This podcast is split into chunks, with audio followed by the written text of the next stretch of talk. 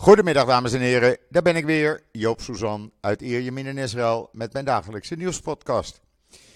Eerst maar even het weer, want er is weer van alles en nog wat gebeurd hier in uh, dit gekke land. Uh, het is winter, betekent uh, temperaturen zo rond de 17 graden. Maar die oostenwind die blijft maar krachtig waaien en vooral hier aan de kust. Uh, uitschieters 30, 40 km per uur. En dat versterkt zich nog door de gebouwen die uh, rond uh, het appartementengebouw staan. Waardoor je een soort sluiswerking krijgt. Een trechterwerking. Dus dan wordt het vele malen erger. Het maakt het gewoon koud, guur en kil. Maar ja, dat hoort even bij deze Israëlische winter. Uh, het zal de komende dagen niet veel veranderen. Uh, ja, we krijgen wat meer uh, kans op regen. Nou ja, daar moeten we het dan maar mee doen. COVID. Ik publiceer het niet, maar ik noem het wel. Gisteren waren er 9809 mensen getest. 10,4% bleek positief te testen, oftewel 1023 mensen met COVID erbij. In totaal zijn er nu 10.638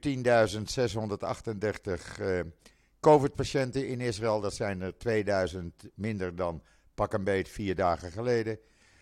Er liggen nog wel 158 ernstig zieke COVID-patiënten in het ziekenhuis, waarvan 61 kritiek. 54 van hen uh, aangesloten aan beademingsapparatuur. Dodental is inmiddels gestegen naar 12.047. Uh, ja, het stopt dus niet. Maar goed, uh, het wordt binnenkort als een griep beschouwd hier in Israël. En dan uh, op Israël Nieuws een video, want tijdens de sloop van huizen van terroristen die betrokken waren bij het doodschieten van major Bar op 14 september, werden de troepen behoorlijk beschoten en bekogeld met stenen en explosieven Troepen schoten terug. Er zijn twee Palestijnse schutters gedood. U kunt het lezen op Israël Nieuws en de video zien. Ook op Israël Nieuws, het hoofdkwartier van de Maccabim-brigade wordt gesloten en beëindigt haar activiteiten. Het is een onderdeel van de operatie Break the Wave, waarbij elke nacht uh, terroristen of terreurverdachten worden opgepakt. Maar men combineert het nu met andere eenheden in uh, Judea en Samaria. En dat schijnt dus beter te werken. Nou, ik ben geen militair en als de IDF zegt dat het beter werkt, dan zal het wel zo zijn dan. En dan uh, prachtig nieuws voor morgen, want ja, wie is er niet fan van Ovra Gaza, zou ik zeggen. De zangeres die uh, helaas op 43-jarige leeftijd al overleed. En die is door het uh, gerespecteerde muziektijdschrift Rolling Stone op plek 186 gezet van de 200 beste zangers aller tijden. Uh, ze staat op die lijst natuurlijk met Prince, Leonard Cohen, Adele, Beyoncé. Nou ja, wie niet eigenlijk. Uh, ze, werd, ze wordt beschreven door Rolling Stone als de Madonna van het Midden-Oosten. Ja, en die stem van haar mensen, die stem, die ontroert nog steeds. Ik heb er een video bij gezet die uh, met name genoemd werd. Im Nin Alu. Uh, en ja, uh, If We Looked Up heet het. Uit 1984. En die, zoals Rolling Stone omschrijft, neemt de luisteraar mee met haar expressieve en fladderende mezzo-sopraan. Het is echt, uh, ja, zij is fantastisch. Uh, ze wordt omschreven als geïnspireerd door haar Jemenitisch-Joodse afkomst, combineerde Ofra traditionele vocale conventies met moderne te techniek. En creëerde zoiets uh, in die tijd wat haar tijd al ver vooruit was. En uh, ja, die stem, die kan je op alle albums, uh, kan je daarnaar luisteren en het blijft je ontroeren. Ik zou zeggen, ga even naar YouTube. Kijk eerst even deze ene video op uh, Israël Nieuws. En ga dan op YouTube genieten van haar andere songs. De hele lijst trouwens, ik heb er een link bij gezet waarop je de hele lijst kan zien van de 200 beste zangers en zangeressen in Rolling Stone. Uh, en dan zijn een officier en een soldaat ontslagen door de IDF uit hun functie. Die betrokken waren bij het per ongeluk uh, beschieten van bewakers van een nederzetting. Zij dachten dat het Palestijnse stenengooiers waren. En begonnen dus te schieten. Het hele, het hele verhaal daarvan staat op israelnieuws.nl. Waar je ook kan lezen dat de nieuwe minister van Toerisme, uh, Chaim Katz, bij het overnemen van het ministerie van Toerisme gisteren zei: We zullen investeren in het lokale Toscane. Hij bedoelde daarmee Judea en Samaria. Het is een mooi voornemen. Judea en Samaria is fantastisch. Ik kan het iedereen aanraden, maar het is natuurlijk niet zo veilig als Toscane. Laten we dat vooropstellen. Maar dat ze daar eh, wat meer toeristen naartoe willen halen, ja, het gebeurt al. En ja, ik, eh, ik rij zelf vaak door dat gebied en ik geniet vooral in het noorden altijd weer hoe mooi Judea kan zijn. En het is echt, uh, ja, je kan het vergelijken met Toscane, alhoewel het niet Toscane is. Maar het is wel bijzonder. Ik zou zeggen, uh, ben je in Israël, probeer dan even naar Toscane, naar het noorden te gaan. De Jordaanvallei bijvoorbeeld. Uh, of, uh, en ten oosten van Tiberias. Of ehm, het oostelijk gedeelte van de Negev onder de Dode Zee. En dan waterstof uit afval. Dat maakt een Israëlisch bedrijf. En die heeft de eerste prijs gewonnen bij een Europese wedstrijd die alles over duurzaamheid inhield. En dat is, eh, men noemt het groene waterstof. En het is milieuvriendelijk. Het is afval. Nou, wat moet je met afval? Uh, als je daar waterstof van kan maken, wat je weer kan gebruiken uh, of her kan gebruiken, ja, dat is natuurlijk fantastisch. En het Israëlische bedrijf Bozan Energy, zij doen het gewoon. En dan een artikel op Israël Nieuws hoe de Abraham-akkoorden het bedrijfsleven uh, de laatste twee jaar hebben getransformeerd, hebben veranderd. En dat is natuurlijk zo. Ze hebben een zakelijk klimaat in de regio gecreëerd, uh, wat voordien niet aanwezig was. En indirect een positieve impuls gegeven aan deals, zoals de overeenkomst pas geleden, waarbij de zeegrens tussen Israël en Libanon werd vastgesteld. Uh, en de gasvelden dus zowel door Libanon als Israël kon uh, beter kunnen worden ontwikkeld. En zo verandert er heel veel. Uh, de Dubai International Chamber opent een kantoor in Tel Aviv. Er zijn kantoren van Israëlische bedrijven in Dubai. Zakenlui reizen op en neer tussen de Emiraten en Israël en Israël en de Emiraten. de handel die bereikte dit jaar al 212 miljoen dollar, ruim. Dat is een stijging van 163% ten opzichte van een jaar daarvoor, 2021. Maar gedurende de eerste uh, maanden van uh, uh, 2022 was er al iets meer van 1,62 miljard. Dat is een stijging van 121 en dat gaat natuurlijk hartstikke goed. En het gaat alleen maar beter. En het komt in de miljarden en in de tientallen miljarden. En dat blijft voorlopig zo doorgaan. En dan gisteravond zijn premier Netanyahu en zijn vrouw naar de klaagmuur gegaan. Oftewel de westelijke wall, de Western Wall, zoals het hier genoemd wordt. En hebben daar uh, een gebedje gedaan ter gelegenheid van de beëdiging van de 37e Israëlische regering. Het is een soort traditie. En dan afgelopen nacht volgens Syrië, want IDF geeft daar nooit uh, uh, een antwoord op. Volgens Syrië zou Israël doelen op de luchthaven van Damascus hebben beschoten. Daardoor is die luchthaven voorlopig even dicht. Dat kan een aantal dagen, misschien zelfs wel een week of langer zijn. Eh, die landings- en eh, eh, startbanen moeten gerepareerd worden. Het zijn doelen geweest die gebruikt werden door Iran en Hezbollah. IDF zegt niets en die houdt zijn mond.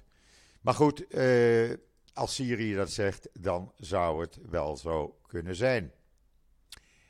En dan gisteren, ja, gisteren gebeurde er natuurlijk een heleboel. Want er zijn ministeries overgenomen. De nieuwe regering is eindelijk, eh, of eindelijk, de nieuwe regering is met haar eh, functie begonnen. Eh, ministeries zijn overgenomen en nieuwe ministers zijn hun werk begonnen. Daarvan zei een vrij bekende generaal, uh, major-generaal, hij is nu gepensioneerd, Eyal Ben Roven. Hij was altijd voormalig commandant, plaatsvervangend commandant van het Noordelijk Commando. Die zei uh, over premier Netanyahu dat hij de veiligheid van Israël in gevaar brengt door zijn onverantwoordelijke beslissingen. Het zijn niet mijn woorden, het zijn zijn woorden en ik meld het hier. Want, zegt hij, de premier weet heel goed hoe onverantwoordelijk zijn beslissingen zijn. En uh, hij zegt, ik ben niet uh, beducht op een botsing tussen Galant, de nieuwe minister van Defensie, en Smotrich, de minister van Financiën. Ik ben bang dat er een onvermijdelijke botsing zal zijn tussen soldaten in de IDF en de, diegenen die onder het bevel van Smotrich die niet alleen minister van Financiën is, maar ook minister van Defensie voor de uh, Westbank is.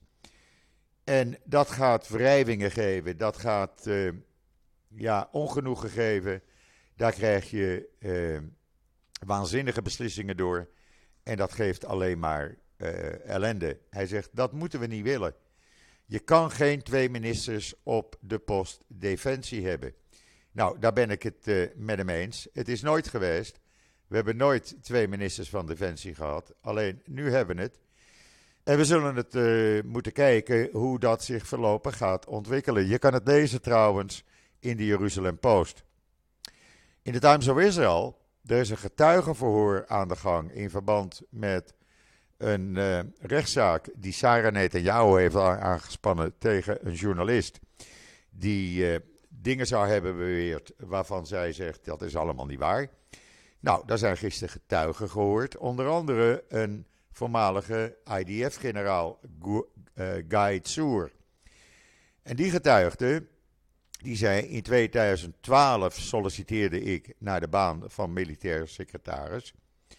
Ik had een interview met Netanyahu, ik moest nog een keer terugkomen. Netanyahu zat in de kamer. Toen kwam zijn vrouw binnen, hij verliet de kamer. En ik ben 43, 45 eh, minuten ondervraagd, uh, geïnterviewd zoals hij het noemde, door Sarah Netanyahu. Uh, voordat er een beslissing werd genomen. En ik kreeg de baan niet. En dat vond ik een beetje raar. Uh, een andere getuige beweerde, meneer Artsi, dat in 1999 een 15 pagina stellende geheime overeenkomst zou zijn getekend tussen Netanyahu en zijn vrouw over bepaalde beslissingsbevoegdheden, waarbij Sarah Netanyahu de beslissingsbevoegdheden kreeg voor wat en het vetorecht over benoemingen uh, aangaande beveiligingen uh, of veiligheidssituaties. Ja, dat is natuurlijk een heel raar verhaal. En die rechtszaak die loopt nou. En uh, ik vind hem interessant, want er komen dingen naar voren bij gerespect, van gerespecteerde getuigen. waarvan je zegt: ja, dat kan toch helemaal niet. Maar het blijkt dus wel te kunnen. Ook Ayelet Shaket uh, is als getuige verhoord gisteren. Ayelet Shaket was eerder, zo begon zij haar loopbaan, stafchef van Netanyahu. En ook zij getuigde dat ze werd geïnterviewd door Sarah Netanyahu. En daarna werd er pas een beslissing genomen. Rare verhalen. Het staat allemaal in The Times of Israel. Dan gisteren bij de overname van het ministerie van Financiën, wat Smotrich twee, jaar gaat doen. Daarna gaat hij ruilen met uh, Deri, die nu volksgezondheid en uh, binnenlandse zaken doet. Uh, had uh, Smotrich natuurlijk een lang gesprek met de aftredende minister van Financiën, Lieberman, die het erg goed heeft gedaan. Daar is iedereen het over eens. Uh, Smotrich zei ook van, ik handhaaf de vrijhandelseconomie die jij ingesteld hebt. Daardoor de, deed de economie in Israël het erg goed. Nou zegt Lieberman, als je me nodig hebt, we wonen in één land, ik sta tot je beschikking. Uh, hij zei, uh, toen zei Smotrich, ik ga niet beloven dat ik uh, de elektriciteitsprijsverhoging van 8,6% ga uh, tegenga. Dat gaat over een paar weken gebeuren. En iedereen hoopt eigenlijk dat dat gestopt wordt, want dat zijn niet normale verhogingen. Want dan hebben we in één jaar 22,5% elektriciteitsprijsverhoging. Wat hij niet heeft gestopt, niet terugdraait, en dat is jammer, de belastingverlaging op uh, benzine. Waardoor de belasting extra duur, of de benzine extra duur is geworden gisteren voor de maand januari. Hopelijk komt hij alsnog met iets. Wat hij uh, niet goed heeft gedaan, Smotrich, en dat neem ik hem echt even kwalijk, moet ik zeggen. Er was door de vorige, door Lieberman, was uh, uh, dit jaar een belastingverhoging ingesteld uit milieuoogpunt op wegwerpbestek en borden en kopjes en schoteltjes. Dat hoofdzakelijk door orthodoxe joden wordt gebruikt op Shabbat en Joodse feestdagen. En er was een uh, extra belasting ingesteld op suikerhoudende dranken om obesitas tegen te gaan. De eerste stap wat hij gisteren heeft gedaan, Smotrich, is het terugdraaien van die belastingverhogingen. En dat neem ik hem echt kwalijk. Het was uit milieuoogpunt gedaan. Hij vindt dat het te duur wordt voor de ultra-orthodoxen. En hij vindt schijnbaar dat suikerhoudende dranken heel goed zijn voor jongeren en ook ouderen. Eh, wat dus niet zo is, daar zijn alle artsen het over eens. Daar zijn de artsen in Israël natuurlijk helemaal niet blij mee. En de milieuorganisaties zijn ook niet blij. Uh, het betekent een verlies van ongeveer 300 miljoen euro, oftewel 1,2 miljard uh, shekel voor de schatkist. Ja, en de ultra-orthodoxe mensen zijn blij. Maar milieutechnisch gezien, ik vind dit geen goede zaak. Echt niet. En ook uh, suikerhoudende dranken had tegengehouden moeten worden. Ja, het toont een beetje aan welke kant het opgaat. En dat werd des te meer duidelijker vanmorgen uit een radio-interview van de nieuwe minister van Alia.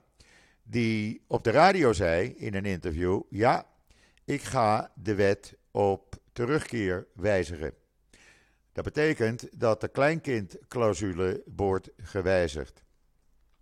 Hij zegt er zijn te veel Russen die helemaal geen Joodse banden hebben. Die zijn naar Israël gekomen. Dat moeten we stoppen. Maar het betekent dat iedereen met één Joodse grootvader geen aliyah meer kan maken als dit inderdaad wordt veranderd. En het lijkt mij dat je dat niet zomaar kan doen. Er zijn vele duizenden in de wereld die één Joodse grootvader hebben en die graag aliyah willen maken. En uh, ja, als dat dan niet meer kan, dat is een enorm probleem, want die kunnen dus hier niet meer naartoe. Ze kunnen wel komen voor vakantie, maar meer ook niet. Het toont een beetje aan de richting welke kant deze, laat ik maar zeggen, orthodoxe rechtsextremistische regering opgaat. En er komt nog meer ellende op ons af, want ik noem het ellende.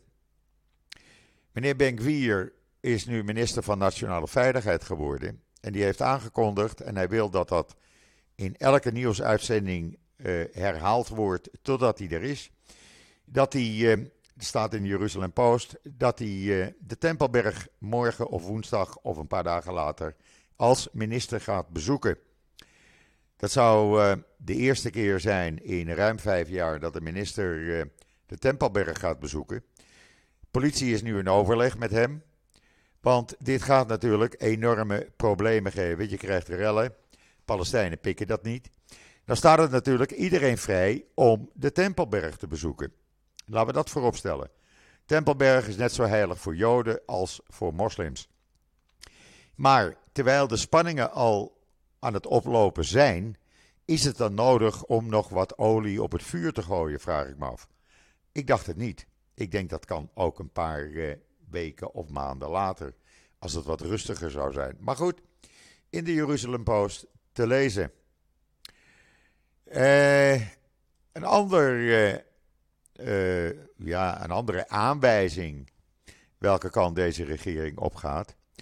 De nieuwe minister van Religieuze Diensten heeft gisteren in zijn toespraak bij overname van het ministerie bezworen dat hij de macht van het opperrabinaat gaat versterken en de salarissen van rabbijnen in gemeentes en andere religieuze functionarissen enorm gaat verhogen. Hij zegt dat hij dat doet in overeenstemming met de, beslissing, met de beslissingen die genomen zijn door de Opperrabinale Raad. Ja, wat krijg je dan? Dat het, uh, uh, ja, zeg maar, de, het, de, uh, het gerechtshof van de rabbijnen veel meer macht gaat krijgen en over zaken gaat beslissen waar ze tot nu toe niet over besloten of besluiten overnamen. En zelfs zaken kunnen aangaan tegen mensen, tegen inwoners, die nu bij gerechtelijke rechtbanken liggen. Uh, het betekent dat het er allemaal niet zo makkelijk op gaat worden. Hij verwees ook nog even dat het in, in de coalitieovereenkomst is opgenomen. Uh, we zullen het gaan zien welke civiele zaken rabbijnse rechtbanken gaan uh, behandelen. Gaat dat over eigendomsgeschillen? Gaat dat over fraude? Ik weet het niet. We moeten het allemaal maar afwachten. Het staat in de Times of Israel. Dan zegt de nieuwe minister van Huisvesting, een rabbijn, Yitzhak Goldknof, die zelf uh, een appartement in uh, appartementengebouw in Jeruzalem heeft, die die zonder uh, vergunning in kleine appartementen heeft omgezet. Die zegt dat hij gaat zorgen dat Israëli's zich heel makkelijk op de Westbank kunnen vestigen. Dat daar nieuwe nederzettingen kunnen komen. En ja, dat er wordt gebouwd op de Westbank. Dat staat in de Jeruzalem Post. Ook dat zullen de Palestijnen niet in dank afnemen. Als je, ja, je had dat een beetje geleidelijker moeten doen. Laten we eerst zorgen dat er wat rust is. Maar goed, ik ben geen regering. Ik geef alleen maar weer wat hier gebeurt. En in aansluiting daarop, er is een, uh, door het uh, uh, Israëlisch Democratisch Instituut is er het jaarlijkse rapport uitgekomen over de orthodoxe bevolking. Die gaan tegen 2030 16% van de Israëlische bevolking uitmaken. Maar er staan eh, nog meer interessante zaken in dat rapport, wat je kan lezen in de Jeruzalem Post. Eh, er waren 373 ultra-orthodoxe studenten onder de 18 jaar tijdens het schooljaar 2021-22, wat neerkomt op 19,5% van alle studeren, uh, studenten in Israël. 74% van de ultra-orthodoxe Israëli's studeren in ultra-orthodoxe instellingen, die informeel, informeel door de staat worden erkend. 22,5% is vrijgesteld en 3,5% zijn staats-orthodoxe uh, scholen die ook door de staat worden gefinancierd, maar niet het kerncurriculum van de staat onderwijzen. Uh, de arbeidsparticipatie van de ultra-orthodoxe mannen, het stijgt langzaam. Uh, ongeveer een derde van alle ultra-orthodoxe mannen had in 2002, eh, 2020 een, uh, een baan en iets meer dan de helft van de ultra-orthodoxe vrouwen. Uh, in 2015, het was 2002 moet ik zeggen, in 2015 bereikte dat een keerpunt en heeft 51% van de ultra-orthodoxe mannen een baan en 80% van de ultra-orthodoxe vrouwen. Uh, daarna ging die stijging niet zo hard meer. Volgens het laatste rapport van het Israëlisch Democratisch Instituut in 2022 hadden 53,5% van de orthodoxe mannen een baan. Dat was 2,5% meer dan 2015. Uh, de armoede onder de ultra-orthodoxe Joden, dat is uh, eh, 44% van uh, de ultra-orthodoxe Joden. Dat is tweemaal zoveel als bij niet-orthodoxe Israëli's, waarbij het op de helft ligt. Uh, ja, dan staat er ook nog dat de coronapandemie een aanzienlijke impact had, impact op het internetgebruik onder orthodoxe Joden. Er werd veel meer internet gebruikt, ook al willen de rabbijnen dat niet. En tenslotte staat er in het rapport dat 40% van de ultra-orthodoxe Joden vrijwilligerswerk doet. en 60% doneert aan, 86% doneert aan een goed doel. Dat is vrij hoog, kan ik zeggen. Want dat ligt bij uh, gewone Israëli's uh, respectievelijk op 23% van de Joodse Israëli's die vrijwilligerswerk doet en 58% doneert aan een goed doel. Al die cijfers kan je lezen vandaag in de Jeruzalem Post. Best interessant. Uh, wat niet interessant is, en ik vind dat dit soort uitspraken niet gedaan kunnen worden. De opperrabijn van Jeruzalem, ex-opperrabijn van Israël, Shlomo Amar, die uh, heeft gisteren in een toespraak openlijk gezegd dat het ondraaglijk voor hem is dat een openlijk homoseksuele man, dat is Amir Ogana, Knesset-voorzitter is geworden. En hij had hele scherpe kritiek op de religieuze parlementariërs die die benoeming ook hebben gesteund. Want zegt hij, dit hele gedoe dat zijn gruwelen en dat uh, uh, vult mij met schaamte, want het is een grote schande uh, nou ja, zo gaat hij dan even door. Het staat allemaal in de Times of Israel. Ik vind, sorry, we leven in 2023 en Amir Ogana, ook al ben ik het niet met zijn standpunten eens, prima, hij moet doen en laten hoe hij leeft. Ik respecteer dat. En uh, Netanyahu ging daar ook op in en gaf daar ook commentaar op. Vond ook niet dat dat kon, maar hij was er niet echt fel op. Uh, ja, ik vind uh, dit soort uitspraken door die rabbijnen, die moeten zich daar niet mee bemoeien. Laten ze nou met rabbijnse zaken bemoeien, maar niet met wereldse zaken. Want we leven tenslotte in 2023. En iedereen moet leven en mag leven zoals hij of zij wil. En dan een, ja, een slecht rapport. Het staat in de Jeruzalem Post. Geestesziekte neemt toe in Israël. De vrijwilligersorganisatie Iran die kreeg in 2022 ruim 300.000 telefoontjes, een stijging van 10% ten opzichte van 2021. En uh, het merendeel van die oproepen was afkomstig 62,5% van vrouwen. Uh, eh, 78% via de telefoon en 22% via internet. En de twee grootste problemen volgens de Jerusalem Post, zijn eenzaamheid en economische nood. Uh, dat is veel. En dat is geen goed teken en daar moeten we met z'n allen iets aan doen. Nou, om dan te eindigen met goed nieuws, mag ik dat zo zeggen? Ja, zo voelt het voor mij wel. Meneer Nasrallah heeft een beroerte gekregen. Meneer Nasrallah, de grote baas van Hezbollah. Eerder werd gezegd dat hij een griepje had. Maar het bleek dat hij afgelopen vrijdag volgens rapporten uit Libanon en Saudi-Arabië met, een, uh, met spoed is overgebracht naar de intensive care van een ziekenhuis in Libanon. En uh, dat zal wel een Hezbollah ziekenhuis zijn. En uh, nadat hij een beroerte had gekregen. het zou de tweede keer zijn dat hij een beroerte had. Hij ligt in het ziekenhuis, zie ik nu, van de grote profeet in Beirut. Nou, ik weet niet wie dat is.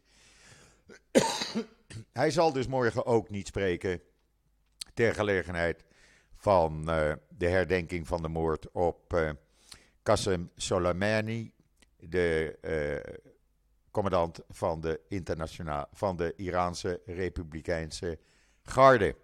Nou, dan zal er wel iemand anders gaan praten, denk ik dan. Goed, dat brengt mij bij het einde van deze podcast voor vandaag. Nog één opmerking.